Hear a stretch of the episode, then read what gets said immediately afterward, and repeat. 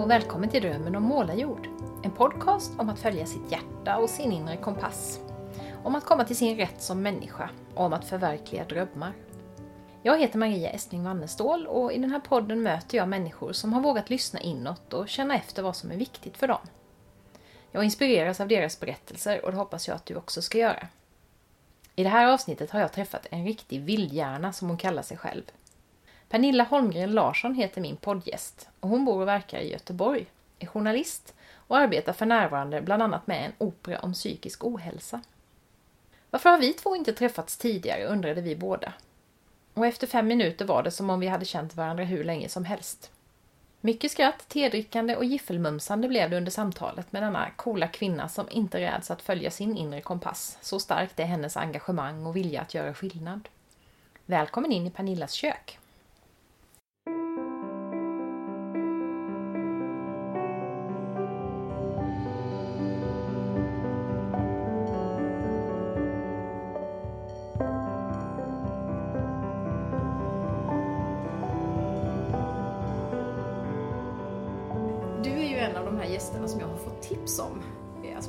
Själv kände till, vilket jag tycker är jätteroligt och extra spännande att träffa de människorna. Men sen när vi då, eh, när jag började ta reda på lite grann om dig så upptäckte jag ju att du också var från Växjö, precis som jag. Och att vi hade en massa gemensamma bekanta.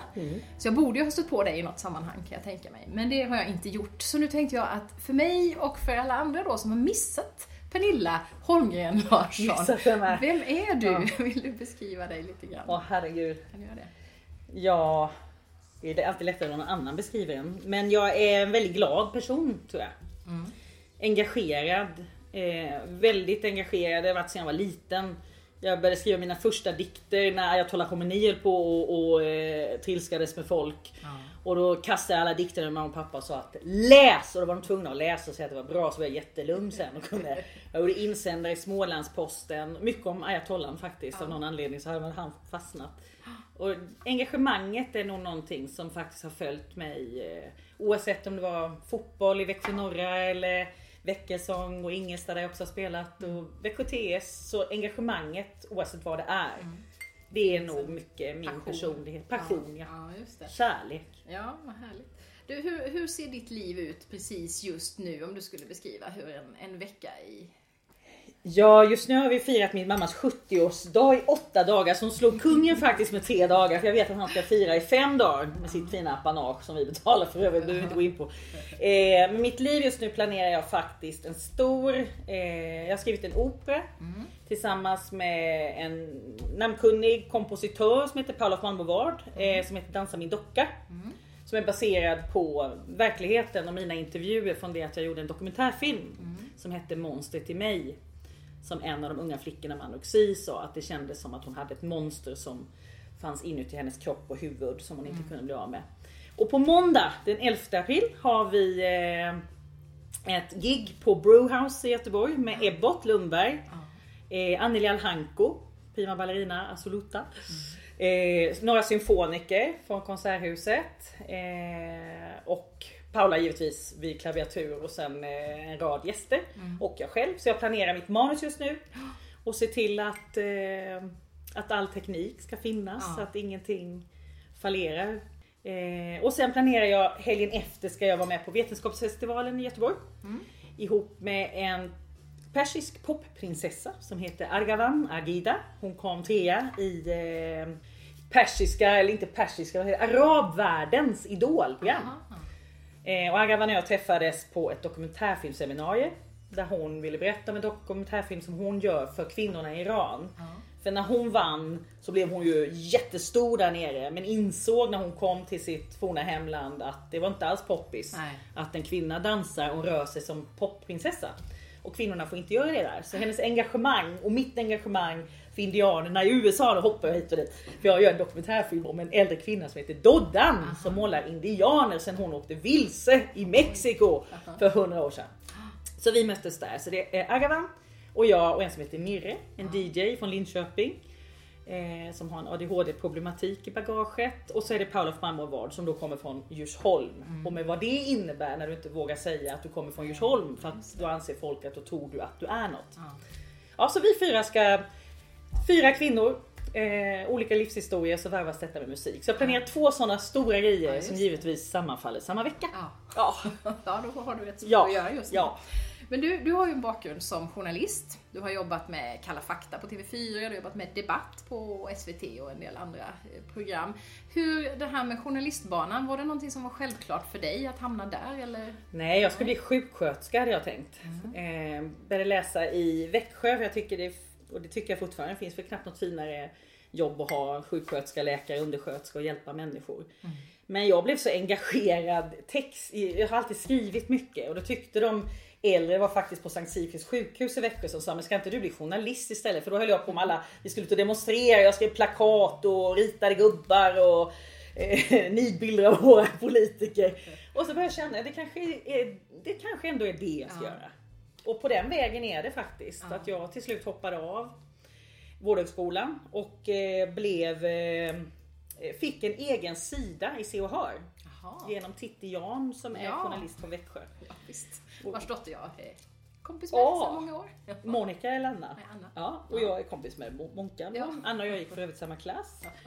Eh, så det var Titti som Ja. hjälpte mig på traven. Och sen har det rullat på kan man Ja. säga. Jag började med blåsningen med Lennart Swahn på TV3. Just det, det kommer jag ihåg ja. Och sen eh, SVT, massa år på SVT Debatt, Sommarunionen, Prata kvadrat. Eh, var med och drog igång Debatt. Det är ju hundra år sedan har de lagt ner Debatt. Det var väl på tiden i och för sig. Eh, ja, så Kalla fakta på TV4. Och skriver mycket. Har du varit både bakom och framför kameran och sådär Ja, också då? Mm. det har jag. Men nu idag så frilansar du. Ja, Så du är reporter, skribent, moderator och sådär. exakt. Vad tycker du är, vad är de största för och nackdelarna med att vara frilans jämfört med att vara anställd? Jag känner att jag hade nog inte utvecklat så mycket faktiskt som människa eh, som jag har gjort. Bara att det här med operan kom till mig. Jag är ju från Ingelsta utanför Växjö från början och det är inte så många operahus i den trakten. Så att när Paul och jag möttes av en slump så hade, kunde jag ju bestämma vad jag skulle göra med min tid. Det hade jag inte kunnat om jag hade varit kvar på SVT eller om jag hade varit på TV4. Nej. Det här blir det ju mer fritt liksom. Friheten, ja. Friheten gillar jag och jag blir väldigt kreativ av den. Sen kan det väl vara ibland man undrar, kommer det verkligen in några fler projekt och eh, pengarna inte strömmar in? Man kanske inte blir den rikaste på jorden. Men samtidigt så har det faktiskt rullat på ganska bra. Ja, du har inte varit liksom i stiltje sådär så att du Nej, inte haft kan jag uppdrag. inte påstå. Nej. Så att det, men Ja. man vet ju aldrig. Nej, Det är en osäkerhet och jag tror det är väl det, den osäkerheten som stoppar många kanske. ja säkert. Sen har vi ju den här häftiga operan då som du redan har varit inne på och Paula. Och ni möttes ju på, har jag förstått, på ett lite speciellt sätt. Vill du berätta om hur det gick? Ja, det- jag, jag bor ju här ute i de fina områdena då av Göteborg. Och vi handlar på ett litet Konsum här nere visade sig både jag och Paula. Och då hade hon hängt upp en lapp på anslagstavlan. Där det stod att en tonsättare sökte någonstans att sitta och, och komponera musik. Och det tyckte jag var så häftigt faktiskt. Att, eh, jag tänkte Mozart och de killarna, liksom, alla var killar och de är stendöda sedan hundra år. Och här var det en kvinnlig tonsättare. Och i huset jag bor eh, så finns det en lägenhet och den var tom just då. Så jag ringde till Paula och sa att du kan komma och kolla. Och det gjorde hon och då hade hon tagit reda på lite innan att jag just då höll på med en dokumentärfilm Måns till mig som jag nämnde. Eh, och så frågade hon mig om, om jag ville skriva en opera med henne. För då hade hon precis gjort en opera om Kerstin Thorvalds liv. Ah, Och suttit med Kerstin då i intervjuer och gått igenom all hennes litteratur. Ja. Och sen hade hon gjort en opera om Mikael Ljungberg, eh, Ja, brottaren just som det, som tyvärr tog livet av tog livet av sig. Så hon var liksom inne i det här psykspåret på något vis. Men jag sa nej, det ville jag inte göra. Var det det första hon liksom... Nej det var det, vi stod och snackade och så sa hon filmar du själv eller? Och jag sa att eh, ja jag kallar inte mig fotograf, men filmar du? Ja de riktigt tuffa intervjuerna filmar jag sa jag. Ja. Men då är du ju fotograf. Vad är så jävla svårt för en kvinna att säga att hon är någonting när hon är någonting medan männen säger att de är någonting fast de är inte ens i närheten. Ja men då är jag väl det då. Så tänkte jag fan vad typiskt. Men det är faktiskt, det ligger någonting i det. Jag vet inte hur många böcker en kvinna ska skriva för att säga att hon Mm, är författare. ja, precis. Medan man kanske kan skriva en notis om vad det jag vet inte. Ja. Ja. ja, lite intressant. Ja, vad häftigt. Och ni har ju valt det här temat, psykisk ohälsa, kvinnor, anorexia. Eh, och också det handlar också om missförhållanden i psykiatrin. Eh, och du nämnde ju den här filmen, det var liksom där det började, så det var där du kände, så det var det som var... Eller, för ni visste inte från början riktigt vad den skulle handla om, eller var det något som kom väldigt Jo, tidigt? Eller? det kom ganska tidigt. Ja. Eh, Paula är ju känd i, musikervärlden och Mm. eh, Göteborgsoperan blev väldigt intresserade så att vi gjorde ett synopsis till att börja med. Eh, och då berättade jag historien om en forna Fröken Sverige. Hon heter Ulla, hon blev Fröken Sverige 1953. Två eller tre år efter Anita Ekberg och då var ju det så stort med såna här skönhetstävlingar. Och eh, Ulla åkte över och umgicks med Errol Flynn och Ronald Reagan och de här gubbarna i Hollywood. Och Errol Flynn och hon blev bästisar. Och, och när jag frågade Ulla varför så var det för att hon inte ville ligga med honom. För alla andra ville det. Och han sa till och med till henne att det är kvinnorna som kommer ta livet av mig. Och jag vet Ja. inte vad han dog av. Syfilis kanske. Ja. Jag vet inte. Men eh, ja, så den historien var så stark. Ja. Därför att Ulla gick verkligen från ett glamoröst liv, träffade en tjusig norrman, fick sina två barn. Och eh, hennes dotter Lotta då eh, skulle bli prima ballerina. Mm. Och det är just därför vi har med Anneli Alhanko som ambassadör för Mm. vår opera Dansa min docka. Eftersom det är väldigt mycket Det finns mycket i den den världen. Ja. Mm. Anneli hade mött det så mycket och så hon sa ja direkt Mm. att vara med oss i det här. Eh, och Lotta jag sitter fortfarande bakom, jag säger lås och bom, hon har aldrig lämnat psykiatrin. Hon åkte in för över 20 år sedan. Och eh, jag hälsade på henne i somras för första gången ihop med min forna redaktör från Kalla fakta, Kajsa Lindorff. Det visade sig att Kajsa Lindorff och eh, Lotta var barndomsvänner från Hvitfeldtska. Båda höll på med musik och Lotta var den som ah, alla ville hänga med. Hon var vacker, hon var rolig och hon var musikalisk och hon vann massa tävlingar på Liseberg ihop med Petra Mede som var hennes bästis. Och så bara gick allt åt helvete. Ja. Och, så det är eh, verklighetsbakgrund. Det är verklighetsbakgrund. Sen är librettot väldigt eh, påhittat. Mm. eh, Paula som mitt huvud givetvis. Och Mm. mycket av, av det vi har hittat på är till exempel att läkaren i Dansa min docka visar sig att han är pappan till den här patienten som han har låst in i ett rum. Mm. Eh, avskärmat från övriga patienter, vilket de också gjorde i verkligheten Ja. med Lotta. Och eh, då undrar jag, vad där och Paula, skulle du behandlat den här patienten annorlunda om det var din dotter? Så det, Ja. det är många bottnar Ja, i det här librettot som vi tycker nog är ganska viktigt att ha med sig i livet. Behandla andra med respekt, för du vill väl ha det själv. Och titeln Dansa min docka, den anspelar just på det här med Att hon skulle bli bli, ja, när du blir gammal så blir du så Tunger. tunger. Ja. Först hette den eh, I skuggan av en mor. Mm. Eh, för Paula och Malmros mamma, eh, stor operasångerska Gunilla, som delade titelrollerna med Birgit Nilsson bland Ja. annat. Eh, och jag har också en väldigt färgstark mamma eh, från Småland, de är väl Ja, det? Det. Eh, men så tyckte jag, nej. Och sen hette den Med alla medel, för då slår vi även mot mediebranschen. Ja. Som du och jag eh, sitter här nu och gör Utmanar lite, ja, lite, ja. utmanar Mm. lite. Och eh, då var det det här självgoda mediebranschen med alla fasanhannar som jag kallar en del av journalistgubbarna. Så vi slår på lite allt möjligt. Ja, ja, det kan väl behövas. Kan Ja. jag tänka mig. Och det är ju du som, du har skrivit mycket av librettot då, men ni har gjort det tillsammans. Ja, vi har gjort det tillsammans. texten. Och libretto för de som inte vet. Manus, såna här, kan ja man säga. precis. Jag är också sån där som inte har koll på opera, men just det hade jag lärt mig.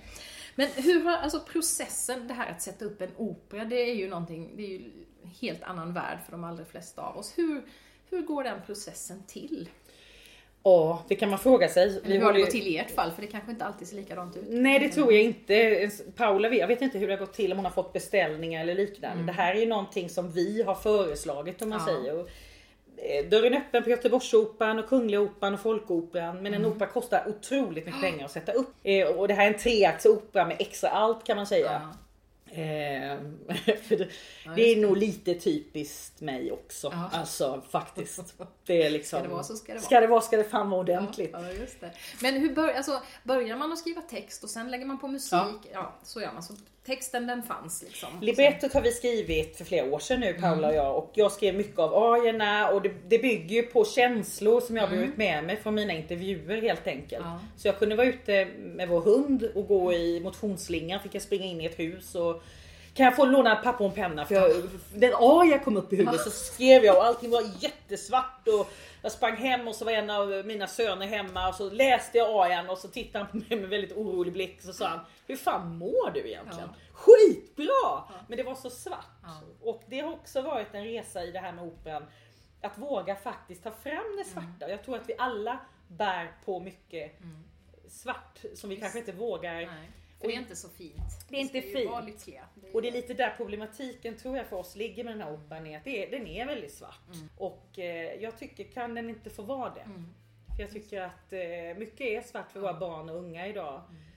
Och eh, ja, psykisk ohälsa är ju tyvärr alldeles för utbredd. Ja, och blir vanligare och vanligare också verkar det som. Vanligaste är ju självmord bland unga män. Det vill vi motverka genom att göra det här, genom att prata om det och ha som den här lilla titeln vi har på måndag med Ebbot Lundberg och Mm. Anneli Alhanko och ett par symfoniker. Det är ju liksom en förhandstitt men Mm. där Ebbot då kommer sjunga mina arior och det känns Ja. ju Ja, onekligen smickrande. Och hur fick ni ihop det här temat? För ni har också en konstnärlig ledare som heter Staffan och eh, sen har ni Ebbot och ni har Anneli. Och Anneli sa du ju just det här att hon var engagerad i de här Ja. frågorna. Men hur, varför blev det just dem? Eh, För det dök upp i mitt huvud. Ja. Eh, Ebbot och, och Kajsa Lindorff som jag nämnde innan, Mm. de har känt varandra i många år. Och så testade jag bara med Kajsa, vad tror du om Ebbot? För jag tycker han har så cool basig Ja, röst. Mm. liksom. Och en sån snubbe i en opera, det har ju han aldrig gjort. Och då skrev hon till Ebbot och så möttes vi och så tyckte han att det här låter fantastiskt. Så, eh, och det här är första gången vi står på scen tillsammans Ja. då på måndag. Och sen har vi ju då Loa Falkman Jaha. eh, som Paula är uppvuxen med. Så att allt, det hänger ihop på något vis. Så jag tycker han är så duktig både skådis och sångare Loa. Men nu blev han ju ICA-Stig så vi får se hur det går. Det är verkligen högt och lågt i ICA och Ja. opera. Ja. Ja, det är häftigt. Kanske blir en, En ICA-Stig opera i ICA. Operan. Ja, ja, precis. Eh, finansiering, hur Mm. gör man en sån här grej? Du sa det kostar jättemycket pengar. Mm. Ni har lite samarbetspartners, sponsring och sånt. Mm. Hur fungerar det? Ja, det, det fantastiska i det här är alla som har anslutit sig. Bland SCP, en stor reklambyrå i Göteborg som helt gratis har tagit fram prospektet som du fick. Ja. Eh, eh, och ett Göteborgstryckeriet har tryckt upp prospektet och det har vi gjort därför att vi vill hitta samarbetspartners, Ja. sponsorer från näringslivet. För att man kan sätta upp en opera på andra ställen än ett Mm. operahus. Och det tycker jag då kanske som styckmästarens dotter från Ingelstad. Ja. Det finns idrottshallar, man, jag vill lyfta ut operan till folket. Ja, För jag hade varit på två operor innan det här. Och, Och det inte, finns det inte en sån trend också? Man har börjat sända operaföreställningar så här till ja, typ biografen i Moheda Exakt. Växjö. Sådär. Det är ju... och det är lite sådana projekt och samarbeten Ja. som vi letar efter. ja, just det. Och eh, det vore fantastiskt om all musik till exempel kan få bli färdig. Mm. Eh, Paula har satt, eh, inte all musik men till tre arior är det väl Mm. som hon eh, men det ska bli mer. Ja, ja visst. Ni har också gjort eh, workshops och Ja. företagsevent och lite så här så att man kan liksom bli en del Ja. av, av det här. Vill du berätta om det? Det lät Ja, det, vi var på, genom Göteborgs universitet var vi på Jonsereds herrgård och hade ett, eh, som en föreläsning är ju det här med det varvat med musik och film. Eh, och eh, sen kan man ha ett seminarium efteråt och då betalade Göteborgs universitet för att vi var där. Och då kan ju vi jobba vidare Ja. och man får in lite deg i alla fall. Alltså kulturen är ju inte, man blir inte nej. fetast att hålla på med det. Nej. Men vi hoppas på vägen att vi kan forts, fortskrida om man säger Ja. som operahusen är intresserade. Och är de inte det så ta tipshallen i Växjö liksom. Ja, det är skitsamma. Då kommer jag i alla fall. Ja det är underbart. Ta med mig ett gäng. Ja, Och det är möjligt att vi efter måndag nu kommer turnera runt Sverige med den här mindre varianten då. Mm. Ja. Till, ja, vad det nu hamnar i. Ja. Men jag alltså det blir också en hel del ideellt arbete kan jag tänka mig. Ja. Ni lägger många timmar som ni aldrig får Vi har inte betalt fått det, för. nej. nej. Vi har fått stöd från Västra Götalandsregionen. Mm. Från, det fick vi från början. Så att då hade vi lite. Så att vi har kunnat resa och vi har kunnat... Ja. Eh, men det är ju, herregud, nej. Mm, nej. Det krävs en passion för att göra en sån här grej. Det gör det. Och passionen för oss ligger inte i att vi ska tjäna massa pengar utan det ligger faktiskt i att vi vill nå en förändring i samhället, i Mm. våra attityder. Jag tycker det är helt otroligt att man kan möta samma människor varje dag på en cykelväg utanför sitt eget hus. Och man inte hälsar på varandra, åtminstone tittar på en, nickar om det är jobbigt att säga hej. Jag vill ha den förändringen, att vi säger hej! Du behöver inte stanna och säga hur mår du? För det är en jävla läskig fråga egentligen. För svara ärligt hur jag egentligen Ja, mår. Mm, tveksamt. Just det. Det har blivit lite som engelskans how do you do. Man ska Ja. inte svara för mycket om Exakt. så. Ja. Eh, Du var ju inne på Göteborgs universitet och Västra Götalandsregionen. Mm. Och ni har eh, lite samarbete med dem. Mm. Hur eh, fungerar detta? Ja, det, var, det kändes väldigt bra faktiskt i december för då hade vi eh, eh, fått till det med kulturchefen kan man säga, VG-regionen, så är en av de största regionerna i Sverige och hans stab och en EU-samordnare. Att vi skulle hitta ett samarbete med vården för att kunna föreläsa på det sättet som vi gör. Och det var just det vi gjorde där på Jonsereds Ja, herrgård. det. Och det är det här som heter kultur i I vården. vården, Ja. exakt. Nej, och det kändes ju fantastiskt bra tills vi förstod att det var vissa element inom eh, regionen då inom sjukhusvärlden som inte tyckte att vi skulle föra fram den här historien om Lotta då som hon heter. Det är bara det att vi har ju Lottas familj med oss för att få till en förändring så att Lotta ska få adekvat vård och det kan man tycka att hon ska få efter över 20 år Ja. inom psykiatrins stängda dörrar. Ja, Så så vi det är lite fick inte. farligt. Nej, det är tydligen ett väldigt farligt och ett brännande ämne framförallt just det här caset då. Mm. Och nu bygger inte librettot på ordagrant på hennes liv Nej. utan det är färgat av så många av de tjejerna som jag har intervjuat. Mm. Men det är väldigt tragiskt och eh, för mig helt verklighetsfrämmande att man 2016 i en demokrati i Sverige där vi slår ett slag för yttrandefriheten Mm. inte vill samarbeta med en, en enkel journalist och Mm. en kompositör. Det känns sådär faktiskt. Men eh, vi ger inte upp. Nej. Du var ju inne på det här att ni ska göra en, en förhandstitt på det här nästa vecka. Det hade varit himla roligt om jag hade varit kvar i Göteborg Mm. Ja. så hade jag ju Det hade jag på det. Och det här ska ni göra tillsammans med 1,6 miljoner klubben Mm. som Alexandra Charles väl grundade och som handlar om kvinnohälsa, eller hur? Det är fokus på. Det Mm. var jätteroligt för det visste inte jag att det var det det var fokus. Jag trodde att det handlade om människor som tjänade jättemycket pengar. Men mm, det var nyttigt, trodde lärde de jag mig det. också. Ja. Hur kom det sig att ni hittade det Jo, samarbetet? eh, på det här seminariet i Jonsered så var en av ambassadörerna där som heter Åsa Lövgren Jansson och hon tyckte att det här lät så, eh, hon blev väldigt engagerad eh, även om det då fanns vissa läkarelement där som inte tyckte att man skulle engagera sig. För hon har varit också inom, ja, mm, vad ska man säga, mött psykiatrins baksida om man säger så. Och eh, det har vi även i vår familj eftersom min son, har, en av hans bästa vänner, tog sitt liv. Ja. Så att eh, hon blev jätteengagerad och hon berättade för Alexander Charles om detta, om mig och Paula och ja, det som har utspelat sig då. Då gick även den goda nattklubbsdrottningen igång Ja. på detta. Ja. Så där har vi satt en tärning i rullning och förhoppningsvis hittar vi kanske människor, det behöver inte kosta så mycket fläsk, men så att man åtminstone kan känna att nu kör vi in i kaklet. Ja. Och då kommer ni att ha de här arierna som är färdiga Mm. och sen kommer det vara lite, det kommer vara eh, liksom föreläsning och lite så också om projektet. Eller Ja, bygger ni? så är det ju lite nu kan man säga. Eh, men när operan är färdig då är det ju Mm. ja, men det blir en annan grej. Ja, just det. Men nu den, än så länge så är det sådana Mm. lite nedslag ni gör. Och eh, premiär december 2017 läste jag om att ni Ja, hade planer på. Det hade vi ju. Ja, Men ja. eh, det vet jag inte om vi riktigt håller den eh, tidsplanen. Vi var väldigt noga med att vi skulle ha en tidsplan för eventuella sponsorer så de skulle se att vi, det här finns det en plan. det. och inte bara två eh, Nej. vildhjärnor. Viljan. Nej, och det var ju så roligt för jag tänkte just på det. Det här är ju ett långt projekt över många år. Mm. Och jag tänkte då koppla det till mitt ganska galna projekt att få för mig att jag ensam skulle skriva en 500-sidig universitetsgrammatik för ett antal år sedan. Eh, och det var ju också en sån där, jag satt varenda kväll i tre och ett halvt års tid efter att ha jobbat heltid, efter att barnen hade kommit i säng och skrev och skrev och skrev och liksom outtröttligt sådär. Och det här känns ju också lite så här Sisyfos-arbete som jag tror kan avskräcka de allra flesta som en fullkomligt vansinnig grej. Men vad driver dig liksom att fortsätta år efter år och, och Paula då förstås också? Jag drivs av eh, människorna. Alltså, jag känner att det här ämnet, vem vi än haft möte med, det är ganska många olika typer inom allt från näringsliv till politiker.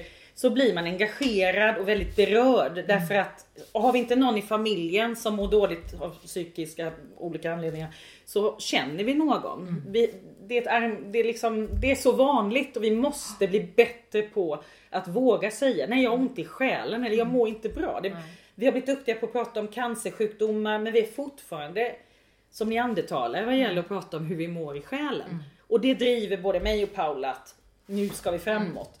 Och eh, för mig som journalist så kan jag säga att Lottas historia, eh, jag, jag brinner för henne och jag, Mm. eh, i de bästa av världar så hoppas jag att hon kommer till västkusten Mm. och får en vård värd namnet. Idag sitter hon med 11 killar som alla varit på rättspsyk i Sundsvall. Mm. Ute i, i the middle of nowhere Ja. Utanför Bollnäs. Och det är inget fel på Bollnäs men det är lite konstigt konstellation. En tjej och Visst. 11 killar som haft lite dolda agendor. Så det är en historia som måste berättas helt Ja, enkelt. så är det. det. som driver dig. Ja. Har du någonsin ångrat? Har du tänkt någon gång att vad har jag gett mig in på? Det här är galet eller? Ja, usch ja. Jag har haft så många såna här tunga historier så att min familj har fått stå ut med väldigt mycket tycker jag. Ja. Och eh, ett jättestort fall som jag höll på med var en flicka som var utsatt för övergrepp. Jag har jobbat väldigt mycket mot, mot trafficking. Eh, och det är tunga ämnen som jag hela tiden kommer insläpandes med i den här familjen. Så jag vet inte om det som har påverkat att vår äldste son nu blir polis och nummer två blir jurist och den tredje flydde ner till Barcelona. Jag vet inte. Men men eh, nej men jag tror min, min drivkraft och, och Paulas är människan i fokus. Och jag tycker det är sorgligt att, eh, att vi inte är bättre än vad vi är. Ja, visst. Och då får det kosta lite ibland. Det har onekligen kostat. Så det, Ja, men jag är moderator också och tar Ja. in, får lite cash när jag är ute på sådana uppdrag. Precis. Ja. Eh, Du var ju, pratade ju om, om operahus här och sådär och du pratade om olika ställen. Men jag läste också någonstans att ni var inne på att göra en turné av den. Hur, alltså, hur går tankegångarna i, ja, i de banorna? Jo, vi hoppas ju att eh, måndagens eh, sessionsspelning på eh, Brewhouse Göteborg ska generera att Alexandra just då att 1,6 miljoners klubben finns ju över Ja. hela Sverige Ja. och att vi i deras regi då kan turnera med den här lite mindre varianten. Och eh, sen vet jag inte, jag var ju i Los Angeles i, eh, i februari och träffade en eh, Hollywoodproducent där som heter Paul. Som blev jätteintresserad och fascinerad av Ullas historia, den här vackra fröken Sverige. Som klädde alla våra löpsedlar och eh, folkhemstapeter jag säga. Men eh, så jag vet inte, han har fått alla mina texter. Vi håller nu på att bolla dem mellan oss. Eh, och jag filmar ju även dokumentärt. Så att mitt förslag Mm. till honom, nu låter som jag är en Hollywood-människa, det är jag ju inte alls. Kanske blir. Kanske blir. Följer du med?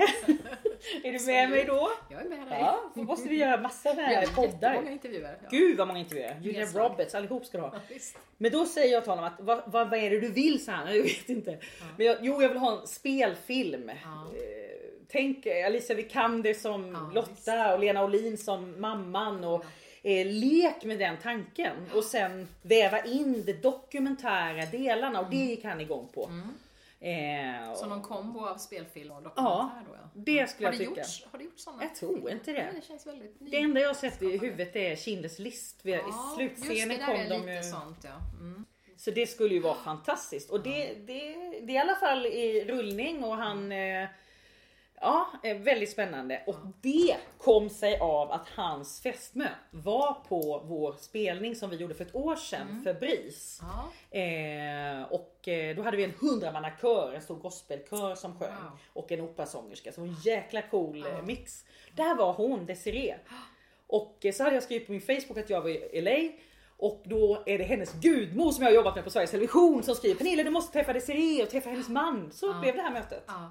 Ja, Så alla häftigt. möten genererar Det är någonting. ju det. Ja, det är så häftigt tycker jag det här. Man sår ett litet frö någonstans och ibland vet man inte ens om att man har sått det. Nej. Och så plötsligt så händer Exakt. det någonting spännande. Så jag tror att man skulle våga göra lite sånt lite mer. Alltså, Mm. Berätta om vad man gör för det första, bara det. Bara att folk vet att man håller på med någonting. Det tror jag man är lite rädd för ibland. Och framförallt lite rädd för att det inte är färdigt och jag är inte där än. Och, och, Mm. men jag tror att man ska, man ska våga göra det. Man ska kasta sig ut lite. Ja det tror jag absolut. Ja. Och det var ju likadant, också helt otroligt. Förra hösten var det väl så åkte jag ner till ett annat projekt som jag nämnde dokumentären om Doddan. Mm. Åkte ner till South Dakota. Mitt team går på planet medan mitt eh, ESTA inte fungerar. Så att jag blir kvar i Amsterdam. Mm. Och fotografer och allting går på eh, planet. och de här holländarna var bara äh, we can't help you och bla bla bla. Så min man fick hjälpa mig hemifrån. Vi var kvar ett dygn i Amsterdam. Och då står en engelsman där. Så säger jag who are you? Och han bara who are you? Och så tyckte jag att men om du ändå är kvar här kan inte vi liksom hänga ikväll då? Så gjorde vi det. Så satt vi på en italiensk restaurang. Det visade sig att han var eh, musiker från London och han känner operachefen i London och han vill hjälpa oss i England. Alltså, Nej. allting ger. Men han var så rolig så sa han, det har väl gått någon timme, vi sitter och käkar där och så säger han vad, fan ska jag säga till min fru? Ja. Jag skulle ju varit i USA på väg till USA. Nu sitter jag på en italiensk restaurang i Amsterdam med en svensk kvinna.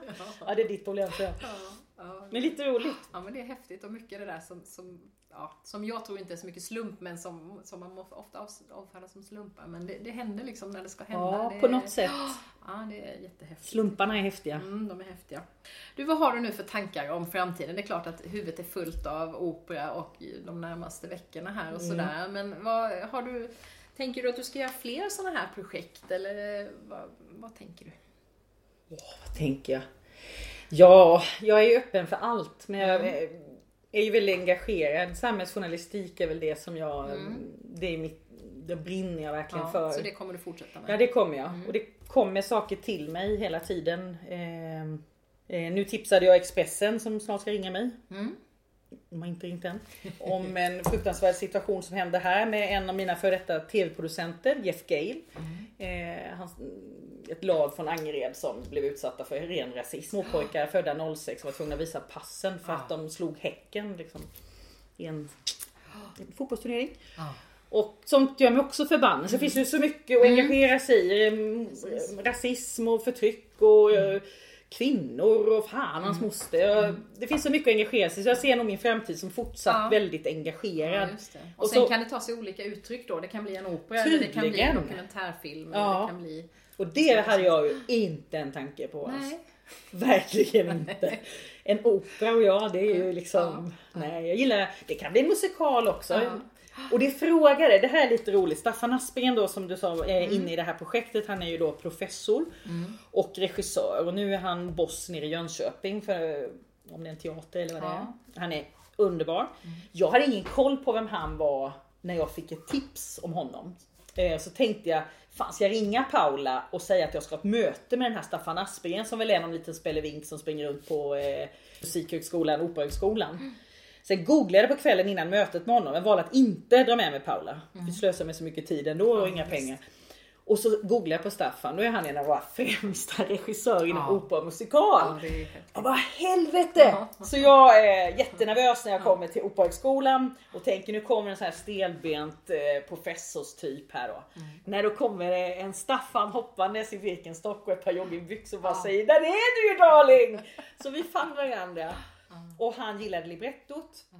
Eh, och det är ju helt fantastiskt att ha med en sån tung Som har så mycket erfarenhet. Exakt. Ja men man ska inte vara rädd för att möta människor som du säger. Man ska, Mm. man ska försöka ta tillvara på mötena med människor. Du har ingen aning om vad det kan ge dig i livet. Kanske inte ge någonting som genererar pengar eller mat på bordet. Men det kan ge upplevelser och Mm. Ja. känslor som du kan bära Precis. med dig och bli stärkt av tror jag. Ja, det. Och det är bara sådana människor som har ramlat in i, i det här Ja, projektet. det verkar verkligen vara ett sånt Helt galet. projekt med ja, udda och häftiga människor. Ja. Ja, Gud vad roligt. Ja, så vi får se var det landar. Ja, du får se om det blir Tipshallen i Växjö eller, Just eller det. LA eller var, Mm. var ni Det kan bli både och. blir någonstans. Mm. Jättekul! Tusen tack för att du ville vara med i min podd och berätta om det här spännande projektet och jättelycka till. Jag hoppas att ni får in pengar också så att ni kan driva det i hamn. Det hoppas det jag också. måste ni ju ha in, men eh, Mm. det håller vi tummarna för. Så ses vi i Växjö då. Ja, så tar vi en ny intervju här om ett par år och så ser vi hur det har gått. Det gör vi. Ja. Tack så Tack, mycket. Pernilla. Tack.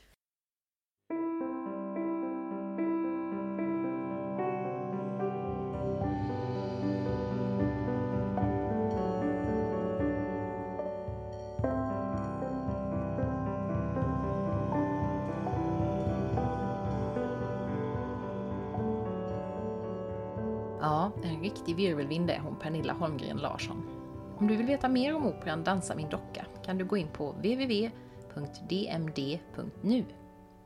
Psykisk ohälsa det är någonting som så länge jag kan minnas har funnits i min närhet. Min moster som led av bipolär sjukdom bodde ofta långa perioder hos oss när jag var barn. Och jag fick möta henne i både de maniska och de depressiva faserna. För drygt 15 år sedan drabbades jag själv av en utmattningsdepression och min äldsta dotter led under en del av sina tonår av social fobi. Så vi har fått stifta bekantskap med barn och ungdomspsykiatrin också. Och jag kan väl tyvärr inte säga att jag har så väldigt mycket mer positiva erfarenheter än Pernilla. Det gör mig glad att personer som hon väljer att uppmärksamma psykisk ohälsa. Och också att fler och fler drabbade vågar träda fram och berätta om sina erfarenheter. För det är ju det där med känslan av att inte vara ensam, att det finns andra som har det likadant. Två av mina bekanta, John Tyr och Thomas Forsman, de är ute och föreläser om sina erfarenheter av psykisk ohälsa och osynliga funktionsnedsättningar inom ramen för ett projekt som heter My Top Secret Story. Och det kan du läsa om på www.mytopsecretstory.com. Jag tycker att de gör ett jätteviktigt jobb. Drömmen om målarjord handlar ju om att följa sitt hjärta och sin inre kompass, vilket också kan innebära att våga prata om det där som känns obekvämt, som att må dåligt i själen. Att faktiskt våga svara ärligt när någon ställer frågan Hur mår du? som jag och Pernilla pratade om. Med de orden, Hur mår du? inledde min poddgäst från avsnitt 17, författaren Kajsa Ingmarsson, sitt senaste nyhetsbrev.